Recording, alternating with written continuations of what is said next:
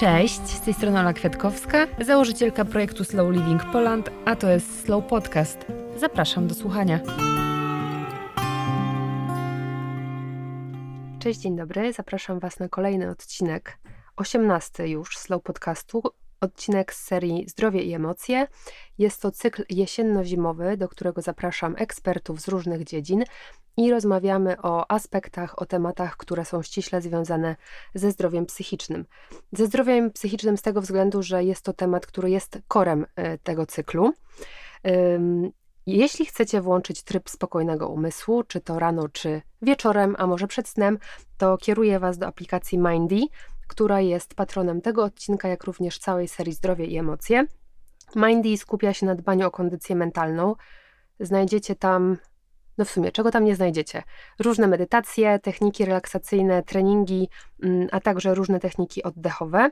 A tymczasem przychodzę do mojej gościni, którą dzisiaj jest Kinga Reichel, psycholog specjalizująca się w diagnozie psychologicznej w praktyce klinicznej psychoterapeutka terapii poznawczo-behawioralnej w trakcie specjalizacji. Kinga w praktyce klinicznej koncentruje się na zaburzeniach lękowych i zaburzeniach nastroju. I zanim przejdziemy do naszej rozmowy, to chciałam tak słowem wstępu powiedzieć, że to jest spotkanie długo wyczekiwane, ponieważ ostatnio było nam nie po drodze, żeby tak. się z Kingą spotkać, ale jak to mówią, do trzech razy sztuka. Udało się, jesteśmy dzisiaj we dwie i porozmawiamy dzisiaj o bodźcach i o emocjach. Y, temat niezwykle ważny i potrzebny, i też mam wrażenie, że bardzo aktualny temat. Mm, I chyba zacznę od tego, że mm, żyjemy w społeczeństwie, w którym nie ma kultury rozmowy o emocjach. W, której, w którym te emocje są y, pomijane albo w ogóle bagatelizowane. Mm, I myślę, że to jest poniekąd problem naszej cywilizacji, problem wyrażania emocji, ale też problem nazywania tych emocji. Mhm. Dzień dobry, cześć. E, bo się nie, nie przywitałam. tak, chociaż to się powolutku zmienia. I chyba też to zauważasz, e, bo ja to zauważam na przykład e, tak ze swojej perspektywy, coraz po, coraz e, częściej o tym mówimy, coraz częściej te tematy są poruszane i tak powolutku, powolutku, kroczek po kroczku e, gdzieś tam ten temat emocji zaczyna być ważny w ogóle w przestrzeni publicznej też, e, dzięki też takim osobom jak ty, dzięki takim podcastom i, i rozmowom, no to gdzieś tam zapełniamy tą pustkę, której wcześniej nie było, nie? Więc, y, ale tak, rzeczywiście emocje to jest taki temat długo, długo e, spychany. Mm, no właśnie, trudny. przepraszam, że ci wejdę w słowo, mhm. bo to jest temat trudny, ale to jest jakby emocje są uwarunkowane biologicznie.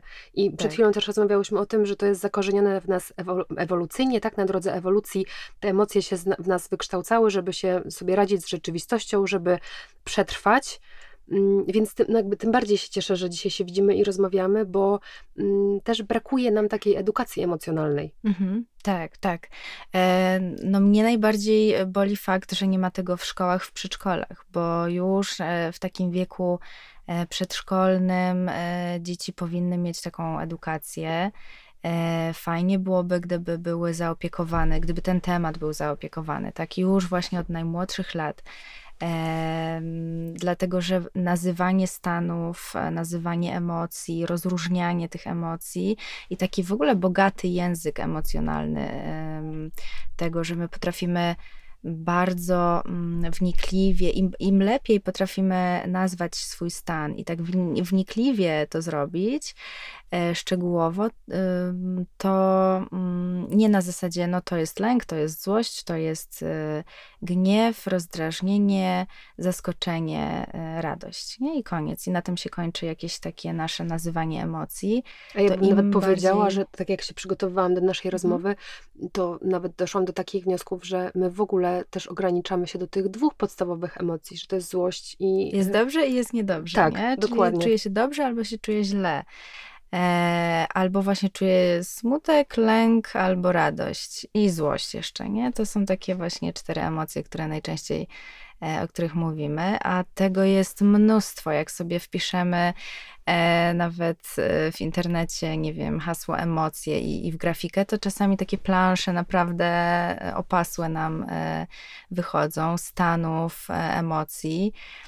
Więc im lepiej potrafimy nazwać te stany, im lepiej potrafimy rozróżnić, w ogóle nazwać to, co się z nami dzieje, to jest to y, forma regulacji emocji, czyli tym lepiej potrafimy sobie radzić na, z tymi emocjami i lepiej potrafimy odpowiadać na te, na te stany i lepiej radzić w kolejnych e, wyzwaniach, w kolejnych e, sytuacjach, kiedy te emocje nas zalewają, nie? Więc e, bardzo, bardzo by się przydała taka psychoedukacja. Też tutaj bardzo ważną funkcję pełnią rodzice E, bo oni pełnią rolę e, bardzo długo e, takiego lustra dla dziecka, tak? Czyli nazywanie stanów dziecka, mówienie o teraz czujesz smutek, teraz czujesz złość, o teraz chyba jesteś wystraszony.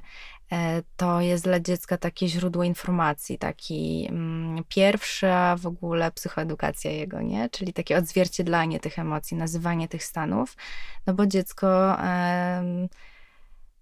inaczej nie jest w stanie się tego nauczyć, nie? Ono patrzy, jak sobie dorośli radzą, jak inne osoby w otoczeniu radzą sobie z tymi emocjami, jak regulują, jak e, reagują na przykład na złość, ale też ważne jest to nazywanie, nie? Więc tutaj kwestia psychoedukacji bardzo, bardzo ważna, no bo to, to jest e, jeden ze sposobów regulacji emocji, nie? czyli rozumienie emocji, mówienie, nazywanie. My tak mięciutko weszłyśmy w ten temat, ty w sumie weszłaś, bo tutaj próbowałam ci przerwać, ale stwierdziłam, że brnijmy do końca i chciałabym na chwilę... Musisz mi przerywać, bo ja mogę brnąć i, i potrafię naprawdę, także tutaj e...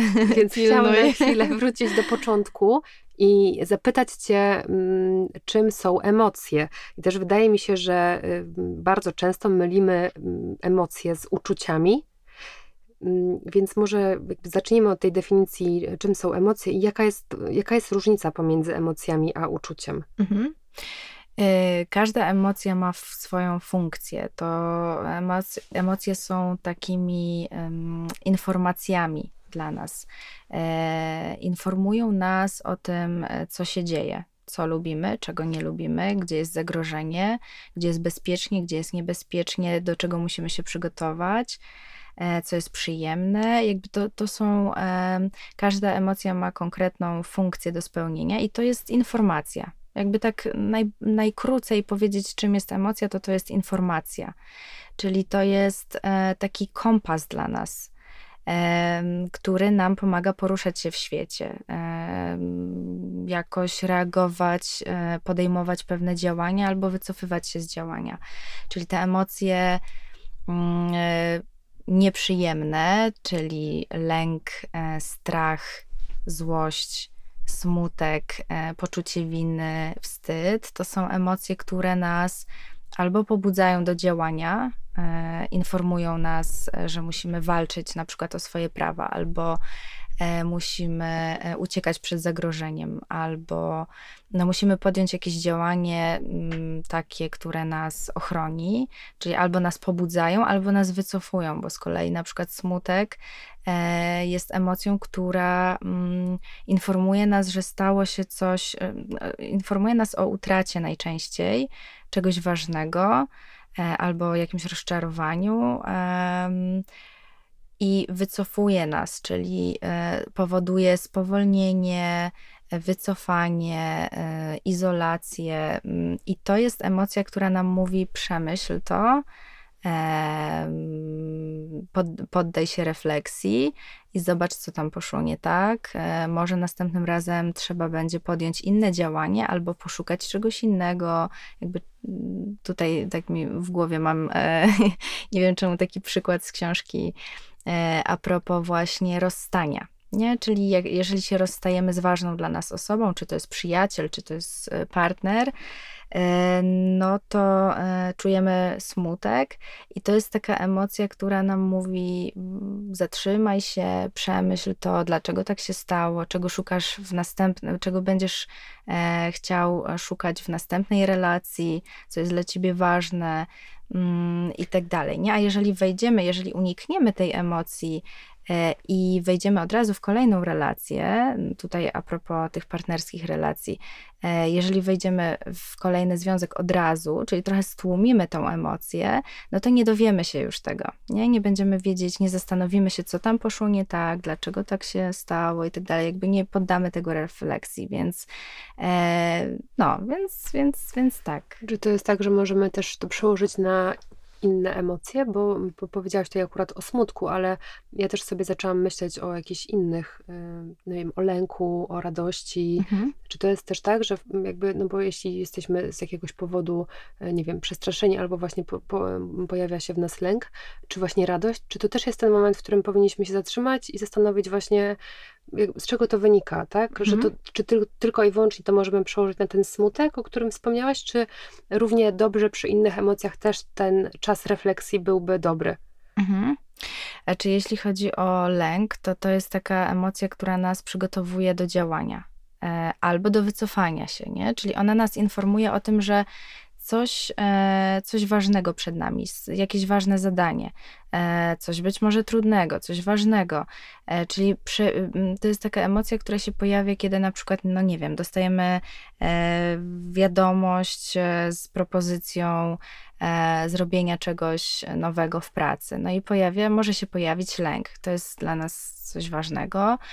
E, więc to nas będzie pchało, raczej to nas będzie pobudzało i będzie nas pchało do działania, do podjęcia jakichś takich aktywności, które nas przygotują do tego, nie? No bo gdybyśmy nie czuli tego lęku, e, no to właściwie co, dostajemy taką wiadomość, nie musimy się przygotowywać, nie czujemy potrzeby przygotowywania się, więc idziemy na żywioł, możemy popełnić wtedy dużo błędów, nie? Albo... Albo jeszcze inaczej, mm, ten lęk nas może wycofać, że się, wiesz, jakby to jest pewnie temat na oddzielną rozmowę, Tak, to ale... będzie zależało też od kontekstu tego, nie? Bo jeżeli my się wycofamy e, w momencie, kiedy to jest dla nas ważne i chcielibyśmy to, to zrobić, ale z lęku się wycofujemy, no to, mm, to akurat nie będzie dobra strategia, ale w momencie, kiedy, mm, bo ona będzie miała swoje przykre konsekwencje, nie? Ale jeżeli my e, się wycofamy w momencie, kiedy e, rzeczywiście no, ten lęk przewidujemy, że coś może nam zagrażać i chronimy się tym wycofaniem, no to wtedy to będzie adekwatne do kontekstu, to będzie E, adaptacyjne i nie będzie niosło ze sobą złych konsekwencji, tylko dobre, więc jakby wszystko zależy też od kontekstu. I tak, to jeszcze tak wracając do tego, czym jest emocja, bo e, to jest też tak, że mm, no jest, są to, jest to taki kompas, nie? Są to sygnały informacyjne. My zazwyczaj tak kulturowo, no może nie kulturowo, generalnie ludzie, myślę na całym świecie, e, bo to nie tylko w naszej kulturze, ale, ale generalnie unikają tych nieprzyjemnych e, emocji. E, no to, to jest taki impas w ogóle, tak? No bo mm, każda emocja ma swoją funkcję, one są wszystkie bardzo ważne. Wszystkie... Wyprzedziłaś moje kolejne pytanie, ale świetnie, I, idźmy dalej. tak, one są wszystkie bardzo ważne, niosą ze sobą konkretne e, jakby tutaj um, informacje. No i... Um, i to jest y, jakby y, coś, coś bardzo ważnego, a jednocześnie mamy taki podział na przyjemne, nieprzyjemne i tych nieprzyjemnych mamy unikać, ale też dlatego, że organizm dąży do homeostazy, czyli jeżeli my się czujemy źle, to mamy taką tendencję naturalną do tego, żeby się przywrócić do równowagi, żeby poczuć się dobrze, żeby poczuć ulgę, żeby znowu zapanować nad sytuacją, poczuć, mieć poczucie kontroli, sprawczości. E, więc gdzieś tam zaczynamy włączać e, czasem strategie takie nieadaptacyjne, jak na przykład tłumienie. To też jest regulowanie emocji, e, no bo to działa, ale konsekwencje tego są na dłuższą metę nieprzyjemne, niedobre i nieadaptacyjne, więc jest to taki sposób regulowania emocji mm, niedobry. E, ale jest sposobem jakimś, nie? Więc my mamy taką z jednej strony, no tak, tu są emocje, one są wszystkie potrzebne i ważne, a z drugiej strony mamy ten podział na przyjemne, nieprzyjemne i tych unikamy, a te chcemy, tych chcemy jak najwięcej e, czuć, ale mm, no właśnie, to Mhm. jak już jesteśmy przy, przy takim podziale, m, dobre, znaczy przyjemne i mniej przyjemne, no to ta em- paleta emocji jest bardzo szeroka. Jakbyś właśnie mogła więcej o niej opowiedzieć, jakie emocje w której grupie Mhm. są, tak żeby to uporządkować, to byłoby świetnie. No i właśnie tutaj też jest ważna rzecz, bo są osoby, e, które nawet unikają też tych przyjemnych emocji. Czyli to też em, tak się jakby potocznie można powiedzieć, że radość, duma, ekscytacja to są te przyjemne, te, które lubimy, których lubimy doświadczać, bo one nas informują o tym, że o, to lubię, czyli to zachowanie będę powtarzać. E, To jest przyjemne, to jest bezpieczne. Tutaj to chcę robić, nie? One nam mówią, co lubimy, co jest przyjemne i co, w którą stronę iść w ogóle w życiu. E, Ale są też osoby, które, które też unikają tych, nieprzyje- tych te, te przyjemne uczucia, te przyjemne emocje. Nie są dla nich na przykład ekscytacja e, czy radość. Może być. Ale e, unikają ich z tego względu, że mimo tego, że to jest dobra mm, emocja, to dla nich jest nieprzyjemna? jest nieprzyjemna przez ten komponent fizjologiczny, czyli następuje pobudzenie, przyspieszone bicie serca, tak samo podobnie jak w lęku. I to jest nieprzyjemne, te reakcje. I tutaj akurat mam w głowie e, osobę z zaburzeniem panicznym, gdzie bardzo często się rozwija e, z tego agorafobia, czyli taki lęk przed e, e, otwartymi przestrzeniami, ale też zamkniętymi e, przed tłumem, em, przed, czyli to będzie winda, galeria handlowa, kino, e, jakiś koncert, tak? Czyli wszędzie tam, gdzie e, nie ma za bardzo ucieczki. Albo nie ma otwarte przestrzenie, to tutaj w takim sensie, że nie ma za bardzo pomocy, tak? Bo jeżeli jesteśmy gdzieś tam, nie wiem, na pustyni czy w jakiejś otwartej przestrzeni, gdzie nie ma nic, no to mamy takie poczucie, że jak coś nam się stanie, no to nikt nam nie, nie pomoże. Możemy mieć takie, takie poczucie, więc e, te emocje przez komponent taki fizjologiczny będą też dla tych osób nieprzyjemne. I też się pojawia często w kontekście tutaj tych przyjemnych emocji takie,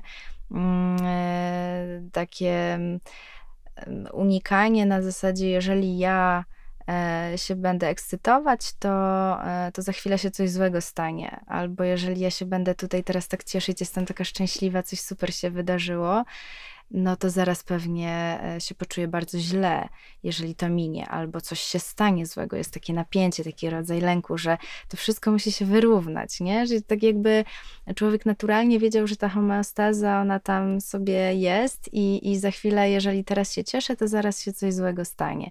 Albo e, właśnie, jeżeli ja nie będę się teraz ekscytować, a mi się nie powiedzie, no to będę bardzo rozczarowany i to jest takie zakładanie do przodu, nie? Więc, więc te emocje przyjemne też niekoniecznie są dla wszystkich takie, e, w ogóle dla nas nie są zawsze takie, takie super fajne, jak się wydaje, nie? Ale już odpowiadam Wracając. na... Wracając, zawijam do twojego pytania. E, Pytałaś o te emocje, tak? No to te sześć takich podstawowych, które e, Paul Ekman tutaj, chociaż mm, po jego badaniach już było bardzo wielu innych badaczy, którzy to przeformułowali i tak dalej, więc e, no ale te podstawowe to, to jest właśnie złość, smutek, lęk, strach, e, zaskoczenie i wstręt. E, Natomiast jeszcze tam jeden z badaczy dodał do tego e, akceptację e, i takie zakładanie, taką emocję, które, zakładanie czegoś złego, zakładanie czegoś z góry, przewidywanie czegoś, nie? Że to e, dodał do, do, mm, jako emocję. No to też do tego, widzisz, teraz ja cię przerwałam i tak będziemy miały różne Mhm. dygresje, ale no, po to też się spotkałyśmy, żeby o różnych tutaj e, wątkach porozmawiać. Zakładanie z góry, że coś się złego stanie, to mm, też nie wiem, można na przykład przyłożyć na taką sytuację, że jesteś gdzieś ze znajomymi na wakacjach, nagle ktoś idzie na spacer, nie ma go 30-40 minut i ty już zakładasz odgórnie, że to nie jest o tym, że ta osoba mm, e, zwie wiedza usiadła gdzieś, pochłonął, jakby straciła rachubę czasu i korzysta, czerpie z tego czasu, tylko myślisz w kategoriach, pewnie coś już się stało. Mhm. Pewnie, nie wiem, miała wypadek, coś się zadziało złego, że ta osoba jakby nie wraca i się zaczynamy denerwować. To to jest o tym? Mhm. Y i tutaj nie wiem, szczerze mówiąc. Tutaj nie wiem, bo dla mnie to jest lęk. To jest ta emocja, e, która, która mówi mi, a co będzie jeśli, nie? Czy a co będzie jeśli, czyli to myślenie o przyszłości, takie przewidywanie tego, co się może stać i przygotowanie do tego. Czyli ja, wiedząc, że e, coś się mogło stać, no to ja e, albo tak, mogę się do tego przygotować, albo mogę coś zrobić, na co mam wpływ. Mogę, nie wiem, zadzwonić do tej koleżanki, po prostu zapytać. Mogę, nie wiem no, podjąć jakieś działania, które, które po prostu mi w tym lęku pomogą, nie? E, więc, więc dla mnie to jest lęk. Szczerze mówiąc, nie wiem, co ten badacz miał na myśli, e, czego dokładnie dotyczy ta emocja, to przewidywanie, e, bo mnie to się bardzo kojarzy z lękiem. I tu powiem, nie wiem, szczerze mówiąc, nie? A jeśli chodzi o, bo tak, pytałaś o ten podział, tak. jakbyś mi mogła przypomnieć. To przeszłyśmy sobie przez te emocje nieprzyjemne, mhm. przez przyjemne też już poniekąd przyszłyśmy. No tak, te sześć podstawowych to są też takie emocje, to chyba wspomniałyśmy przed nagraniem jeszcze, że to są te takie podstawowe, takie e, automatyczne, takie, które się pojawiają nawet bez tych poznawczych aspektów, czyli bez takiego, bez tej myśli, która jest, tak? One, y, tak jak rodzi się dziecko, e, płacze, e, złości się, odczuwa te emocje, czyli one mogą bez tych poznawczych aspektów występować, nie? I, i one są tymi podstawowymi, e, takimi, które mają też zwierzęta i mają, mamy już jakby, one są wrodzone, mamy je od najmłodszych lat, rodzimy się z nimi, nie? Czyli jesteśmy wyposażeni już w te emocje. To myślę sobie, że teraz możemy przejść trochę do mm, bo tak chciałam w sumie, żeby ten odcinek był też mocno skupiony na bodźcach, które wyzwalają w nas silne emocje. Hmm. Więc może słów kilka, wiem, że o tym już trochę wspomniałaś, ale słów kilka o okolicznościach, które są typowe dla pojawiania się tych silnych emocji. Zakładam, że pewnie przy różnych osobowościach, przy różnych też tutaj pewnie mowa o zaburzeniach, to są różne, różne po, mhm. po prostu różne słowa się mnie przy, przy, przyczepiło. Tak, różne sytuacje. Mm, no właśnie, więc porozmawiajmy o tym teraz. Mhm.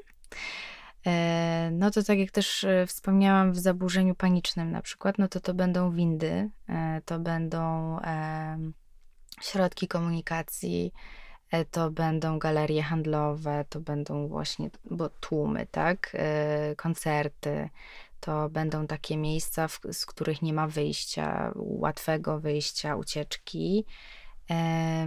Na przykład w zaburzeniu osobowości borderline to będą e, jakieś konflikty czy nieporozumienia z przyjaciółmi, z bliskimi, to będą jakieś wyzwania, stresory w pracy czy w szkole.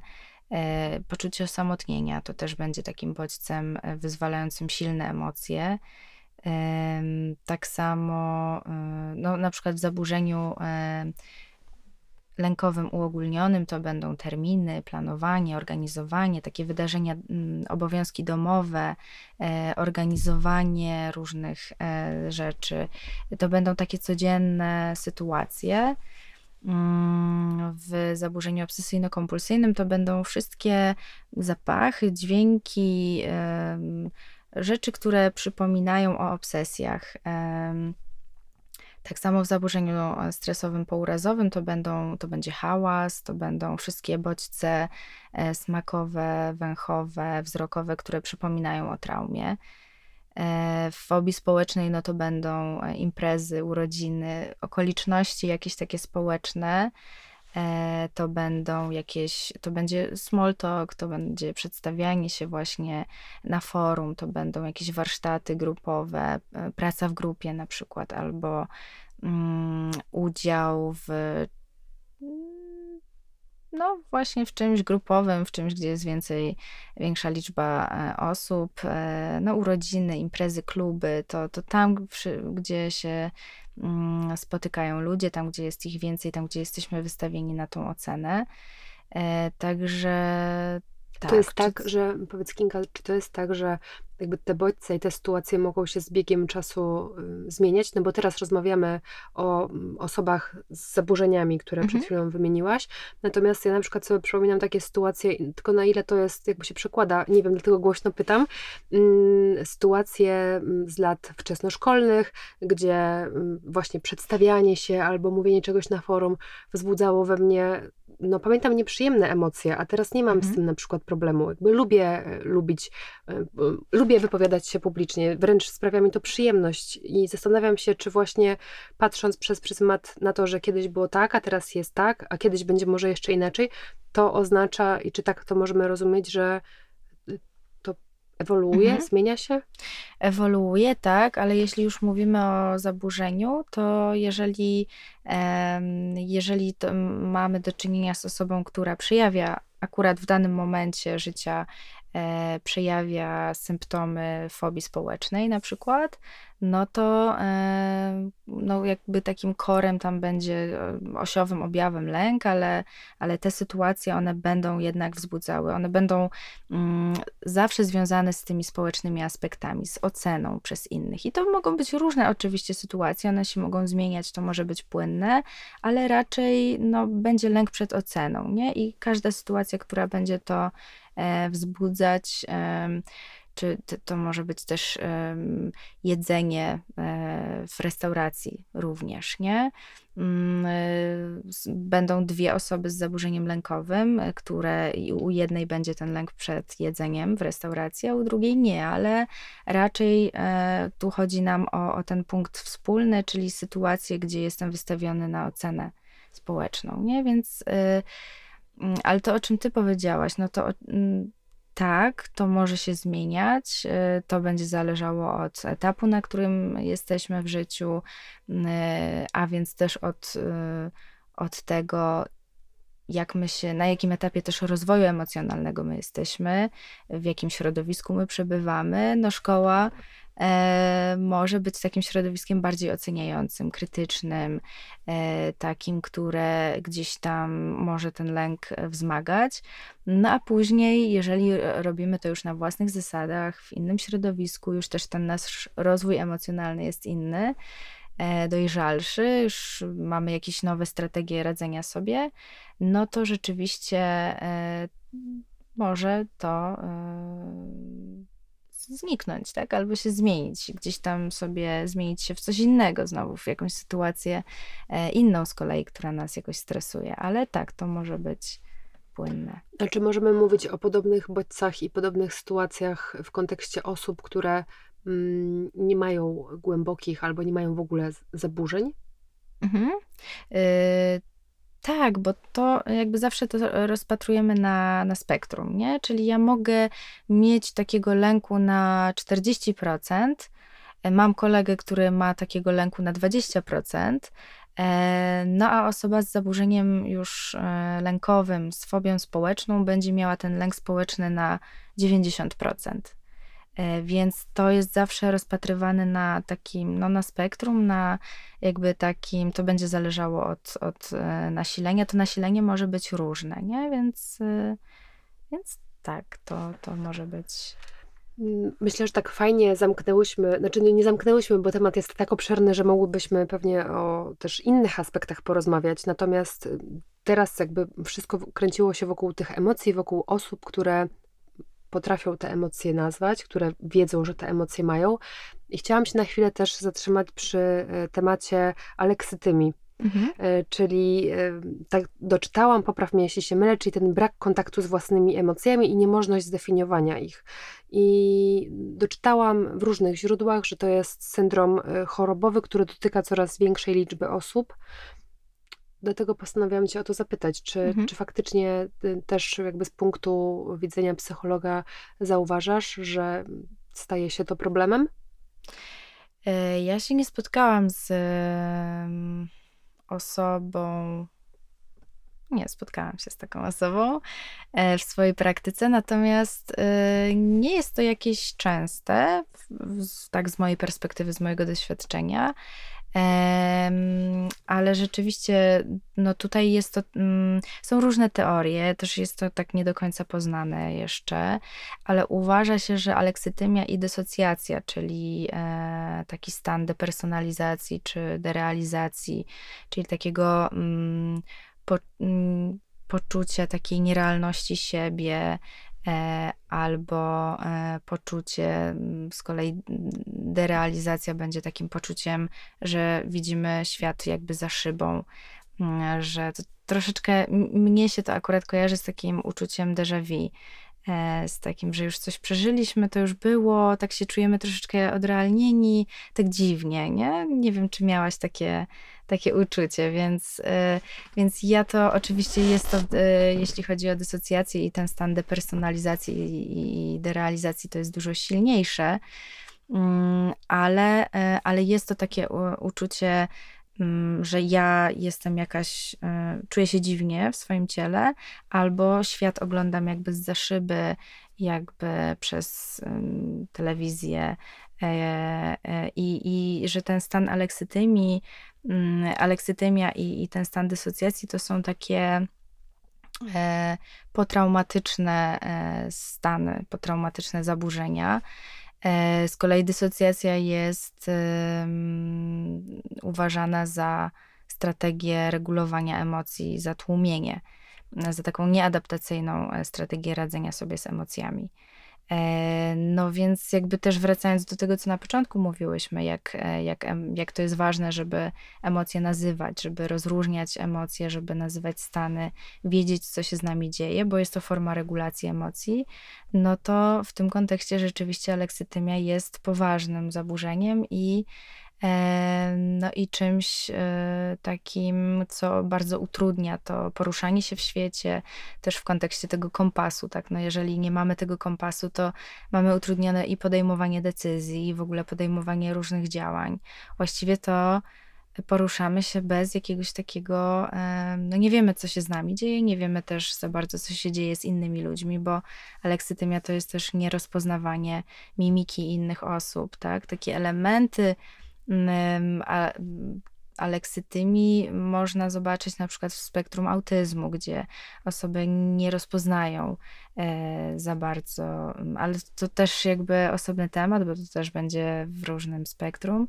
Natomiast też są takie elementy, czy w osobowości psychopatycznej, na przykład, gdzie osoba też jest pozbawiona jakby empatii, nie rozpoznaje, co może czuć druga osoba, e, też nie za bardzo ma kontakt ze swoimi Stanami, więc jakby, no ale to już to jest jakby wydaje bardzo temat trudne, i... tak, no bo jakby dla mnie emocje też są trochę o tym, że to jest taka dobra droga do poznania siebie, a w momencie, kiedy y, nie wiesz, co czujesz, nie wiesz, co to są za emocje i też jakby nie widzisz tych emocji, nie czujesz tych emocji w społeczeństwie, w osobach, które są blisko ciebie, to, y, to musi być to po prostu cholernie trudne. Mhm, tak, tak, tak. A tutaj warto, myślę, powiedzieć też o o tym, że my bardzo często i też pacjenci, którzy trafiają do, do gabinetów, to przychodzą i mówią, że chcieliby kontrolować emocje, nie? że chcieliby się nauczyć kontrolować złość, lęk.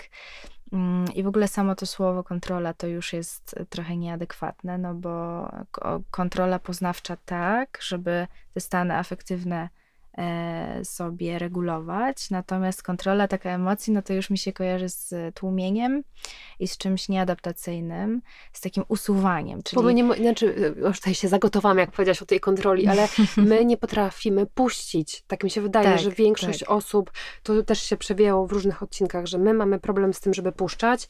Wiadomo, jakby żyjemy mm, w, w przewodźcowanym środowisku, dużo się dzieje, bardzo szybki tryb pracy, przynajmniej tak jak mówię, większość osób i bardzo często właśnie chcemy coś kontrolować albo gdzieś te emocje kumulujemy. I teraz pytanie, gdzie te emocje się kumuluje, kumuluje, kumulują? Yy, gdzie te emocje się kumulują yy, w momencie, kiedy my ich, znaczy nie damy im ujścia. Mhm. Nie damy tak, im no, ujścia? Co ja mówię? Znaczy, no nie damy im ujścia, tak? tak niech tak, tak zostanie. Nie, nie damy, tak. E, no to e, to też jakby tutaj cały czas mam w głowie jeszcze e, tych, tych, te osoby, które właśnie przychodzą i to nie mówię tylko o pacjentach, którzy trafiają do gabinetów, ale w ogóle e, o nas wszystkich tak naprawdę, bo każdy się chyba może złapać na tym, że chciałby e, nie czuć lęku albo chciałby nie czuć złości i po prostu przy, wielokrotnie jak, e, jak przychodzą pacjenci, to mówią ja nie chcę nie chcę czuć lęku, chcę się pozbyć lęku, pozbyć złości, pozbyć strachu, e, pozbyć wstydu nie chcę tego czuć, nie? I, i jakby to, mm, no to tłumienie, to tak jak też powiedziałam, to jest taka strategia regulowania emocji, no bo na chwilę jest fajnie, na chwilę to pomaga i to, to jest działająca strategia, ale nieadaptacyjna w dłuższej perspektywie bardzo e, źle e, wpływająca na całe nasze zdrowie. E, no i tutaj myślę sobie o różnych psychosomatycznych e, dolegliwościach typu choroby jelit, e, typu choroby układu autoimmunologicznego, choroby krążenia, tak. No tutaj można by mówić i mówić, to, to jest też osobny w ogóle temat somatyka, psychosomatyka i somatopsychologia, jak to wszystko wpływa na siebie. Mm, natomiast też bym się wzbraniała od takiego myślenia e, o, mm, o tym, że no, tłumimy te emocje, one się gdzieś tam kumulują, e, gdzieś tam jest jakaś taka bańka z tymi emocjami i one nagle wybuchają nam e, i, i jakby, bo tutaj mam też z tyłu głowy takie teorie różne, niekoniecznie związane z nauką i, i z tym, jak rzeczywiście, bo też nie można powiedzieć, że mm, no, że my musimy dawać ujście tym emocjom i I tutaj um, chodzi mi o czakry, o różnego rodzaju takie praktyki, które um, mówią o tym. Ja też tutaj absolutnie nie krytykuję, tylko chciałam powiedzieć o tym, że jest taka teoria, są takie, takie teorie na, na temat emocji, że jak kumulujemy, to gdzieś to w końcu wybuchnie i, i to pewnie pójdzie w raka czegoś tam. E, na przykład totalna biologia to jest jedna z takich pseudonaukowych E, teorii mówiąca o tym, że teorii praktyk w zasadzie, która mówi, że no, no na przykład jak komuś nie wybaczasz przez długi czas, no to to pójdzie w raka, E, trzustki. A jeżeli na przykład chowasz urazy z takiego, z takiego powodu, no to to się wiąże z chorobem, z, z chorobą jelita albo coś tam, nie? Więc jakby tutaj też e, bym była ostrożna z tymi, z tymi takimi mówieniem, że to się gdzieś tam kumuluje i wybucha. Na pewno jest to niezdrowe i na pewno e, to działa na nasze ciało. Bo, i tutaj też e, coś, o czym nie powiedziałam, a powinnam na samym początku, e, a propos tego, czym w ogóle są emocje, no to e, mają swoje trzy komponenty i, i, i to jest ten komponent poznawczy, komponent fizjologiczny i komponent behawioralny, czyli bez tej fizjologii w ogóle nie ma mowy o, o, emocjach, tak? Emocja to jest też ta fizjologia, czyli to pobudzenie, e, spocone ręce, e, rozszerzone źrenice, przyspieszone bicie serca, mm, więc, więc tak, przełożenie jakby emocje, tłumienie i somatyczne aspekty jest bardzo ścisłe i, i powiązane ale też ostrożnie bym z tym e, tutaj i nie pamiętam, jakie było twoje pytanie. Ja też w ogóle próbowałam się, się próbowałam wrócić do tego pytania, tak. ale też popłynęłyśmy gdzieś dalej, ale też y, ja myślałam o takim kontekście relacjach z innymi, że jeżeli tłumisz te emocje i tłumisz te emocje nieprzyjemne, których nie lubimy, tak jak mhm. też wspominałaś na początku, mm, już w ogóle w relacjach z bliskimi osobami często mamy problem i ja bardzo długo też miałam problem z tym, żeby powiedzieć otwarcie, jak się czuję, bo mhm. dużo łatwiej jest powiedzieć, y, podziękować komuś za coś, coś albo mm, jakby skupić się na tych aspektach pozytywnych, a no zdecydowanie dużo trudniej jest y, podzielić się tym, co faktycznie wewnętrznie się z tobą dzieje, mhm. Y, no bo od razu myślisz przez pryzmat tego, że nie wiem, y, kogoś urazisz, komuś będzie przykro jakby i tłumisz to w sobie, więc też jakby pomyślałam o takim aspekcie, że to tłumienie może w pewnym momencie Mm, doprowadzić do tego, że, że wybuchniesz i w tej relacji z tą drugą osobą y, przyjdzie ten moment, kiedy ta tykająca bomba po prostu wybuchnie i nam się, Mhm. y, tak kolokwialnie mówiąc, uleje. Tak, czyli to będzie takie unikanie konfliktu, unikanie konfrontacji w ogóle z jakimiś nieprzyjemnymi e, znowu emocjami, informacjami z tej drugiej strony, czyli takie nierozwiązywanie problemu. I tutaj też a propos tego tłumienia, no to tak, mm, na przykładzie mm, nie wiem, em, dostaję, e, dostaję przykrą informację, zwalniają mnie z pracy na przykład e, po tym podcaście mnie. na przykład. E, chociaż ja jestem na samozatrudnieniu, więc akurat to, to mnie nie, na szczęście nie dotyczy. Ale okej, taki przykład. Zwalniają mnie z pracy, zwalniają mnie z pracy i co? Tak jak powiedziałam, emocja ma ten, te trzy komponenty: aspekt poznawczy, e, fizjologiczny i behawioralny. No i teraz, e, co ja sobie mogę pomyśleć? No, ten aspekt poznawczy może być, może mogą mi się uaktywnić w związku z tym bodźcem takie treści poznawcze jak nie dam rady teraz, nie poradzę sobie, e, stracę mieszkanie, wyląduję na bruku. Tu już mówimy o katastrofizacji, nie? Czyli najczarniejszy, najczarniejszy scenariusz, zniekształcenie poznawcze, e, wyląduję na ulicy, nie? E, aspekt fizjologiczny, ten, mm, przepraszam, ten kontekst, ten, ten kontekst fizjologiczny, no to przyspieszenie bicia serca, tak?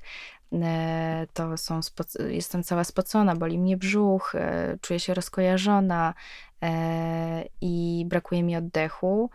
Mm, natomiast aspekt behawioralny będzie tym, co mam ochotę zrobić, albo co zaraz zrobię, albo już zrobiłam. Nie? I na przykład takim tłumieniem, unikaniem będzie zamartwianie się, czyli takie wejście w to, takie unikanie poznawcze, wtedy to nazywamy, że zamartwianie się jest e, takim e, unikaniem poznawczym, czyli ja wchodzę w to zamartwianie się, myślę, a co będzie jeśli, a co będzie jeśli, i mam taką iluzję, że ja się tym problemem zajmuję.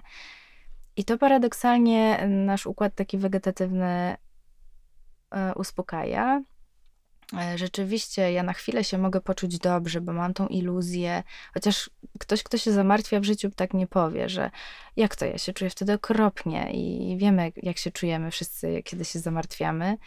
E, ale rzeczywiście jest to taka iluzja takiego poczucia kontroli, że ja się tym problemem zajmuję. Wchodzę w taki, mm, w taki e, kontekst lękowy, czyli ja myślę w sposób lękowy, czuję lęk myślę lękowo, a co będzie jeśli, czyli próbuję przewidzieć przyszłość, natomiast nie przechodzę e, od tego pytania, a co będzie jeśli, do pytania, to co ja mogę zrobić, na co mam wpływ, czyli jak ja mogę rozwiązać problem, kogo poprosić o pomoc, czego jeszcze nie użyłam, jakie strategie mogę tu włączyć, czy mam jakieś zasoby, żeby sobie z tym poradzić, nie? Więc, e, więc to będzie zajęcie się problemem i taka zadaniowa strategia, natomiast strategia unikania tłumienia to będzie to właśnie zamartwianie się. Unikanie to też będzie e, zajmowanie swojego umysłu czymś, co pozwoli mi o tym nie myśleć. Czyli ja nie rozwiązuję problemu, ale też nie czuję tych emocji, nie myślę o tym, odwracam swoją uwagę, zaczynam czytać, słuchać muzyki,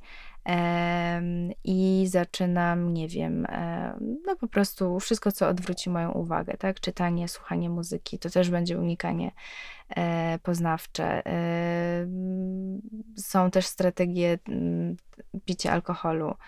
To też będzie regulowanie, może być regulowaniem emocji e, samookaleczanie. A czy, regu- a czy mhm. regulowaniem emocji, tylko właśnie już trochę tak z innej strony, może być na przykład medytacja. Pytam o to, mhm. Y, o medytację akurat z tego względu, że to jest mm, narzędzie, z którego ja korzystam i wydaje mi się, że, że działa, mhm. dlatego o to, o to pytam.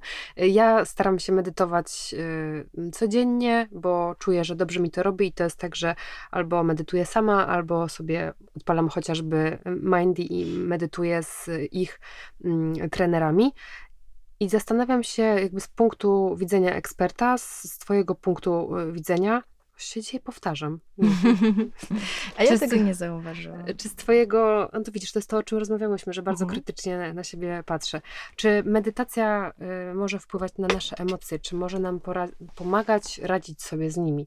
Może niekoniecznie tłumić, ale wyciszać, bo ja na przykład mam wrażenie, że mm, no mnie to bardzo robi. Mhm. Dobrze. Tak, to już jest masa badań na ten temat. Jest to bardzo, bardzo e, adaptacyjna, dobra strategia radzenia sobie z emocjami, z regulacją emocji, no bo ona zajmuje się też tym aspektem poznawczym, czyli takim e, dystansem, no co daje medytacja? Daje nam dystans do tego, że Mm, nie każda myśl jest faktem o nas albo o naszej rzeczywistości. E, daje nam e, możliwość właśnie zaakceptowania pewnych stanów i obserwowania ich bez oceny, czyli taka też umiejętność, której się uczy właśnie w, w regulacji emocji takiej adaptacyjnej, czyli obserwuj, ale nie oceniaj, czyli nie mów, nie skupiaj się na tym, że. Mm, o, jestem taka zmęczona i to nigdy nie minie, albo jestem taka zmęczona i, i teraz będę się tak czuła przez kolejne ki e, kilka dni, tylko czuję ciężkość w nogach na przykład, nie? To jest mała, niby mała różnica, ale, ale duża. E, czuję ciężkość w nogach, e, czuję, nie wiem, spięty kark, tak? Więc jakby takie obserwowanie tych stanów, ale nie zakładanie już, co się wydarzy, jak ja się będę czuła teraz, E, nieocenianie tego, a nie powinnam się tak czuć, e, a czemu się tak czuję, inni tak się nie czują, e, czemu w ogóle czuję ten lęk, przecież nic się takiego nie stało, taka ocena. Więc to nam daje medytacja, że pozwala nam też zaoszczę jakby zaoszczędzić ten czas reakcji, czyli nam wydłuża troszeczkę, czyli ćwicząc koncentrację i, i tak? tak? Chciałam trochę powiedzieć o tym, że mm, wychodzisz z tego swojego pudełeczka i patrzysz na mhm. tą sytuację z trochę innej tak, strony. troszeczkę z góry na tak. siebie patrzysz. No, czyli dokonujesz takiej ponownej oceny, takiej restrukturyzacji poznawczej też trochę, no bo jednak e, masz ten dystans do, do myśli, E, nie każda myśl jest tobą, nie każda myśl jest prawdą, faktem, e, nie musisz w nie wchodzić, one sobie przepływają, czyli uczysz się takiej innej zupełnie jakby mm, oceny tego, co się z tobą dzieje. I tu ocena, nie wiem, czy jest dobra, obserwacji tego, co się z tobą dzieje, bo ocena, no to znowu byłoby naznaczenie tego jakimś, e, nie wiem, więc, więc tak.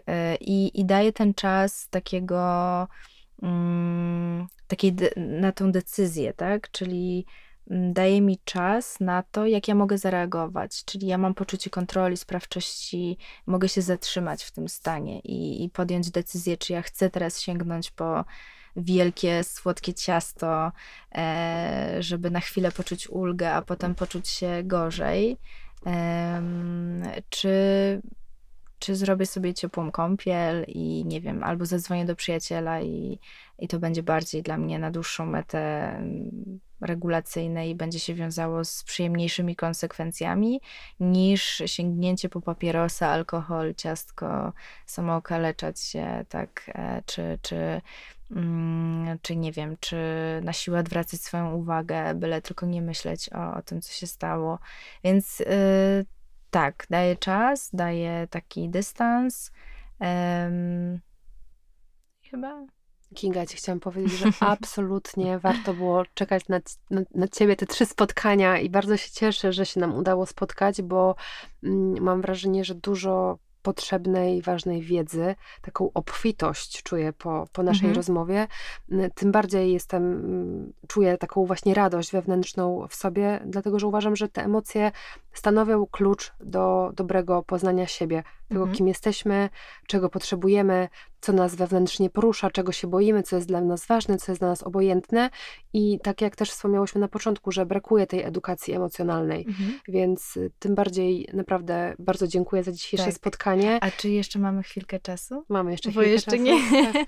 bo już tak miałam, y, bo też miałam powiedzieć o tych strategiach radzenia sobie i to jest zawsze tak, że a, to też mi moi znajomi zarzucają, a, bo to psycholodzy to tylko tak, mówią o teorii, a nie mówią co, co, co zrobić, co zrobić, nie? Więc sobie przygotowałam że ja powiem dzisiaj, co zrobić, tak? I to też e, nie wiem, może mnie już o to zapytałaś, a ja jakoś tak zabrnęłam, e, ale jeszcze właśnie co robić, bo też jakby powiedziałam o tych e, komponentach emocji, czyli czym jest właściwie emocja. Ona się składa z tych trzech e, komponentów.